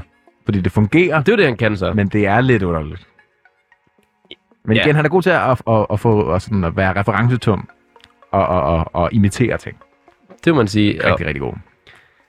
Ja, altså det er jo heller ikke en af de, øh, en af de helt store numre. Jeg synes, øh, uden mundharmonikaen, et bundsolidt nummer. Ind i. Rigtig godt. Og jeg kunne godt tænke mig, at det her nummer havde været øh, tidligere på pladen. Okay. Jeg kunne godt tænke mig, at vi blev taget herned lidt tidligere. Jeg vil godt lide tempoet i det her nummer. Mm. Der er ikke, øh, altså der er ikke, det er ikke lige så højt et BPM, altså beats per minute. Det er ikke lige så højt tempo. Nej, det er rigtigt nok. Og, og, og, og så sådan... Altså, det er jo selvfølgelig... That Boy Is Hurting You heller ikke. Øh, men, men, det er så også de to eneste. Men jeg vil jeg måske også hellere have haft I Can't Wait som den sidste sang. Ja, præcis. Øh, fordi det lyder også bare som en outro, den måde den fader på. Men den her måske havde været en god midtersang, ikke? Det er Så kunne man have haft The Boy, That Boy Is Hurting You som næst sidste sang, og så I Can't Wait som sidste sang. Det har måske været fedt. Men jeg tror også godt, at han vidste det her. Altså fordi, at de numre, som vi har snakket om i de store hits, altså We Got Some Breaking Up To Do, den er 2.40 i tid. Mm. Mm. Secret Lover er 3.02. Crucify My Heart er 3.35. Altså det er jo ligesom de store hits. Og så den her, det nummer, vi lige har hørt, Strangers in the Night, det er 4.23. I Can't Wait er 4.21. Og det er ikke fordi, det er meget længere, men altså, det er bare sådan lidt mindre skarpt. Der er lidt mere, der er lidt plads til lidt flere svingærner Lidt leg. Ja. Lidt mere show-off. Der er lidt mere show-off på den, ikke? Og det synes jeg også er fedt, at der også er plads til det, fordi det skal der også være på et album. Det kan ikke bare være singler hele vejen igennem. Det vil man også blive træt af at høre på, tror jeg. Men uh, Thijs, nu skal vi til det. Jonas, vil du lægge ud med måske at starte med, med, med, med flødeskum? Hvad kan du bedst lide? Nu kan jeg ikke så godt lide flødeskum, men øhm, Kram kagecreme. Ej, det er sådan i bunden. chokoladesaucen. Chokoladesauce. Øhm, altså, det er jo helt klart. We got some breaking up to do. Intro-nummer. Ja, klart det. Og så My Secret Lover og Cruise for My Heart. Altså, det er jo tre numre, man ikke kom udenom. Mm. I generelt i dansk musik, dansk pophistorie, Ah, men fuldstændig. er det, jo, er det jo tre numre, som stadigvæk folk hører. Mm. Ja, da jeg gik på højskole, det var det virkelig noget, vi hørte meget af det her. Det er klassikere. og folk prøvede at lave numre Ja. ligesom det her, fordi at det er så solidt. Men det er umuligt at genskabe nærmest, ikke? Fordi det er så velproduceret. Meget velproduceret. Det er ikke bare gimmicks, det er velproduceret. Ja, og, og det synes jeg virkelig, at han gør godt på det her nummer. Mm. Og det synes jeg egentlig, øh, altså der kan man virkelig høre den der, den der teenager, der har brugt al tiden på at lytte på plader, Ja. ind på hans værelse og sidde skruet på synthesizer, og virkelig sådan tunet den her popmaskine, som han jo er. Og heldigvis for, at, at det er blevet godt. Det har Ja. fandme været ærgerligt, hvis han havde lagt så mange ambitioner i projektet, og det bare havde lyttet lort, ikke? Ej, selvfølgelig skal man, man skal heller ikke lægge det op på, om det er kvalitetsmusik, om det så er tiden værd, kan man sige, øh, i studiet. Men altså, men det lyder bare godt. Man kan virkelig mærke, at han har gjort sig umage her, ikke? Det har han virkelig. Og jeg tror, vi så skal tage over... Øh, Hvad, Ja, synes, hvad synes du af jamen, jeg- jeg, jeg, jeg synes sgu også, we got some breaking up to do. Altså, fordi My Secret Lover og Crucify My Heart, de er simpelthen, altså, de er given, fordi de er så store hits. Så We Got Some Breaking Up To Do er alligevel, altså, det er også et stort hit, men det er ikke et lige så stort hit. Men jeg synes bare, at det er, det er øh, altså samme indkoget af Thomas Troelsens private lyd. Det, synes jeg den, også- det er det den synes her jeg sang. Helt det er enig. virkelig, virkelig. Så solid en, en pladeåbner også. De der synth der, Ja. Ja, men det er så godt. Det er så godt, det her. Hvis man så til gengæld, Jonas, skulle, øh, skulle tage lavkagepapiret, altså det papir imellem, øh, imellem lavkagebundene, hvad, hvad, hvad, hvad, hvad kunne du mindst lide? Jeg vil sige, indpakningen på de her lavkagebunden, Ja. det er... I can't wait, tror jeg. Okay. Nej, jo, men er det det? Nu skal jeg, jeg sætter Bare lige lige hurtigt. på. Det er jo jammen, ikke? Jo, det var jammen. Ja. Øhm, ej, måske er det faktisk ikke den. Altså, jeg er jo mere over i... Jeg er øh, mere i øh, den der med irriterende synthesizer. Er det Killer on a Dance Floor? Jo, det må det være. Det tror jeg er Killer on a Dance Floor. Altså MacGyver-sangen. Mm. Ja, det tror jeg, det er jeg meget enig i. Jeg tror også, det er den, fordi det, og det er lige sådan lige efter halvdelen af pladen med så Let's Make Love Underneath the Apple Tree. Den er nærmest så, så, øh, så kæk, at man ikke kan andet end at. Ja, præcis. Man kan ikke have den i hvert fald. Der, der synes jeg alligevel, der er det mere sådan til den komiske side. Ja, altså den er, sådan, den er sjov. Ja. Hvor at Killer on the Dance Floor, der kan man alligevel mærke, at der er meget seriøsitet i den. Øhm, men jeg, men jeg, det, jeg synes, det er, den, det er den dårlige 80'er. Også et nummer, som kunne have blevet rigtig fedt, Mm. hvis man lige har fået gennemarbejdet lidt mere. Ja, præcis. Men altså igen, det er, jo, det er jo ikke dårligt. Det er jo velskrevet. Ja, ja, det er velskrevet. Men det er bare kontrasten til de store numre. Ja, Som, som, Præcis. som gør, at den måske ikke lige... Altså... Det er jo ikke dårligt, det her. Nej, Det er nej. virkelig solidt skrevet, ikke? Men det, det, det, det er bare... Produktionen er måske bare lidt for standard. Præcis. Altså det er sådan- lidt for generisk. Ja, det er meget generisk her. Hvor det er det slet ikke på My Secret Lover, for eksempel. Altså, Og- der er det jo virkelig bare derudad. Og, Og og det det tager til- spændende og nyt. Ja, det er det. Og det er jo det, vi skal snakke om. Altså, om det som et, som et album, ikke? Ja. Skal vi, skal vi tage hul på, øh, på bylden? Ja. Vi er jo nået til slutningen af programmet. Vi er nået til nummer 5. Top, top 5. Ja. Vores øh, liste indtil videre med, med de plader, som vi har rangeret så godt vi kunne. Ja, og de i, tidligere øh, programmer, vores Søgen, ikke? de tidligere programmer har vi jo haft plader, og øh, nu vil jeg rise vores liste op med de tidligere plader. Gør det. På en første plads har vi Stilla med Malte Coyne. Ja, tak. Anden pladsen har vi The Good Life med Kashmir. Tredje pladsen har vi Strangers med Mew. Fjerde pladsen har vi Count to Ten med Tina Dickow. Tina D. Og på femte pladsen har vi Did It Don't Don't Stop the Beat med Junior Senior. Slash Thomas Troelsen. Ja, som er produceret Thomas Troelsen, ikke? Ja. Og øh, altså, det er jo et stærkt felt, Det er et meget stærkt man felt. sige. Vi er jo, øh, det er det 11. program, det her. Ja. Så vi har jo allerede haft nogen, der ligesom ikke har kunnet stå i distancen længere. Vi har haft nogen, der også har været mange uger på listen indtil videre. Hvad tænker du sådan umiddelbart, Jonas, hvis du skulle tage den her plade, som jo så ikke er en plade, i hvert fald ikke Thomas Troelsens egne øh, ord, eller egen definition i hvert fald. Hvad synes du, den kan i forhold til den her top 5? Jeg synes, at den, den kan levere nogle enormt skarpskårende hits. Mm. Altså, jeg synes ikke, at der er ikke på nogle af de her plader lige så store hits, som der er på den her plade. Altså andet Move Your Feet, måske. Og Move Your Feet, okay. Hvis vi snakker sådan internationalt, Ja. stor, hvor stor sangen er. Ja, ikke? præcis. Jonas Men- har klart. Men, men der, der er alligevel tre numre på den her plade, ja, jamen, klart. som, som, som er altså på Move Your Feet-niveauet. Ikke? Mm. Øhm, til gengæld, så synes jeg ikke, der er så meget sammenhæng i det album. Altså, jo, i lyduniverset er der, Mm. men det er som om, den, den, den halter lidt på den anden halvdel af pladen. Der er ikke heller ikke så meget univers omkring det. Men det synes jeg, nu er det personligt også, Ja. ja. min smag. Det synes jeg heller ikke, der er så meget på Kashmirs plade. Det var også lidt det samme. Der var nogle gode sange i starten, så blev det også lidt langt. Ah, det, må, det, må, jeg- det må jeg sige, tak. Det, det, synes det er også var. dit hjertebarn. Det er jo en, en af mine hjertebørn. Ja, ja. Det, det synes jeg, der var. Altså, og der synes jeg, fordi at det, jeg synes godt, man kan tillade sig Mm. at have nogle numre, som falder lidt mere bagud, når der er sådan en samlet historie for pladen og en samlet vision.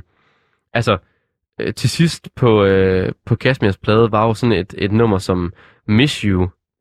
Altså, den ligger nummer 6 på pladen, ikke? Mm. Eller øh, Gorgeous nummer 9. Som jo virkelig bare er altså, nogle, nogle, nogle fede numre.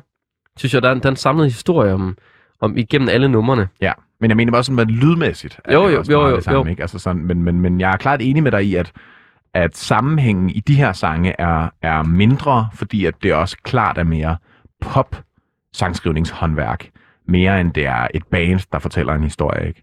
Øhm, Men kunne du, kunne du forestille dig, hvis den her plade var sådan, hvor alle sange var samme niveau, som øh, de her tre store numre, vi har snakket om? Mm. Altså ikke nødvendigvis... så Øh, den ligger nummer et jo. ja, præcis. Det havde den jo. Og, og, og det er også det, jeg tror, at den her plade på en eller anden måde vil have passet bedre at blive udgivet i dag. Fordi det er et helt andet format, som han jo faktisk var meget forud for sin tid Ja. med. Ikke? At det der med, at der er nogle store sange, og så er der nogle, der er lidt mere fyld. øh, ting, men de ligger lidt til sidst, og øh, kan ikke så godt stå alene. Men det er måske mere sådan en single-orienteret udgivelsesformat, vi kører med i dagens Danmark i hvert fald. Ja, der er den her plade klar så godt. ja. Altså, ja, lad os tage, skal vi bare tage den fra toppen? Er den Ja. bedre end Snalzilla? Det synes jeg ikke. Synes jeg heller ikke. Er Fordi, altså, og Snartilla, kæmpe plade. Kæmpe plade. Altså, He- som helhed. Kæmpe som plade. helhed, som, og hvert nummer hver for sig. Mm. Historierne på pladen, Ja, ja. Det er dybt. universet. Kashmir, The Good Life. Bedre. Nej, nej, det synes jeg ikke. Det synes jeg heller ikke. Ikke som helhed. Nej, ikke som helhed, vel? Ikke som plade. Og det er det, vi gør det for. Ja, præcis. Jo. Strangers. Jeg, jeg tror ikke, jeg synes det. Det, det tror jeg ikke, jeg synes. Det tror jeg så heller ikke. Comforting sounds effekten er simpelthen for stor. Den er for stor stadigvæk. Ja, og, det, og, det, der, og der er ikke nogen Secret Lover-effekt. På samme måde som der er en Nej. Comforting Sounds-effekt. Det er der virkelig ikke. Øh... Tina Dickow, Count to Ten. Øh, der vil jeg sige, Der tror jeg så også, vi vil være, være på et ja. der tror jeg, jeg er på et ja. Hvorfor synes du, at den slår Counter 10? Counter 10 er klart også rigtig, rigtig god sangskrivningshåndværk. Men jeg føler på en eller anden måde, at den flair, der er for detaljen på den her plade, gør, at jeg synes, den er federe. Og ikke fordi Sine de går er dårligt, men jeg føler på en eller anden måde også, at den plade har nogle rigtig solide sange, men den der sammenhæng har jeg heller ikke. Som jeg har, og den er der heller ikke på den her plade med Secret Lover på samme måde, men jeg føler også, så, så der, på den måde føler jeg, at de står meget lige øh, plademæssigt. Mm, Øh, sådan gennemgående historie. enig. Og så synes jeg bare, at den her plade er federe. Det er nogle bedre sange. Det, er- det er helt enig i. Jeg synes, Der er øh, to forskellige plader. Man burde ikke kunne sætte dem op imod hinanden. nej, det burde man ikke. nødt til Det er i det, vi gør det program her. Det er iskoldt. Ja. Vi kan jo ikke Det øh, gøre så meget. Altså, Men jeg synes også, at det er fair nok, i hvert fald kan man sige på den der måde, at der kommer en Thomas Troelsens øh, produktionsplade og sangskrivningsplade ind på listen, og der ryger en anden ud. Ja. Det er jo Jonas Ener, der så ryger ud. så Thijs, på en fjerdeplads har vi. Hvad er det nu? My Secret Lover? Private. 2007. Og det er Don't Don't Stop the Beat ryger ud af listen. Den ryger ud af listen. Det var alt, vi nåede for Danmarks bedste plade i dag. Vi lyttes ved næste gang.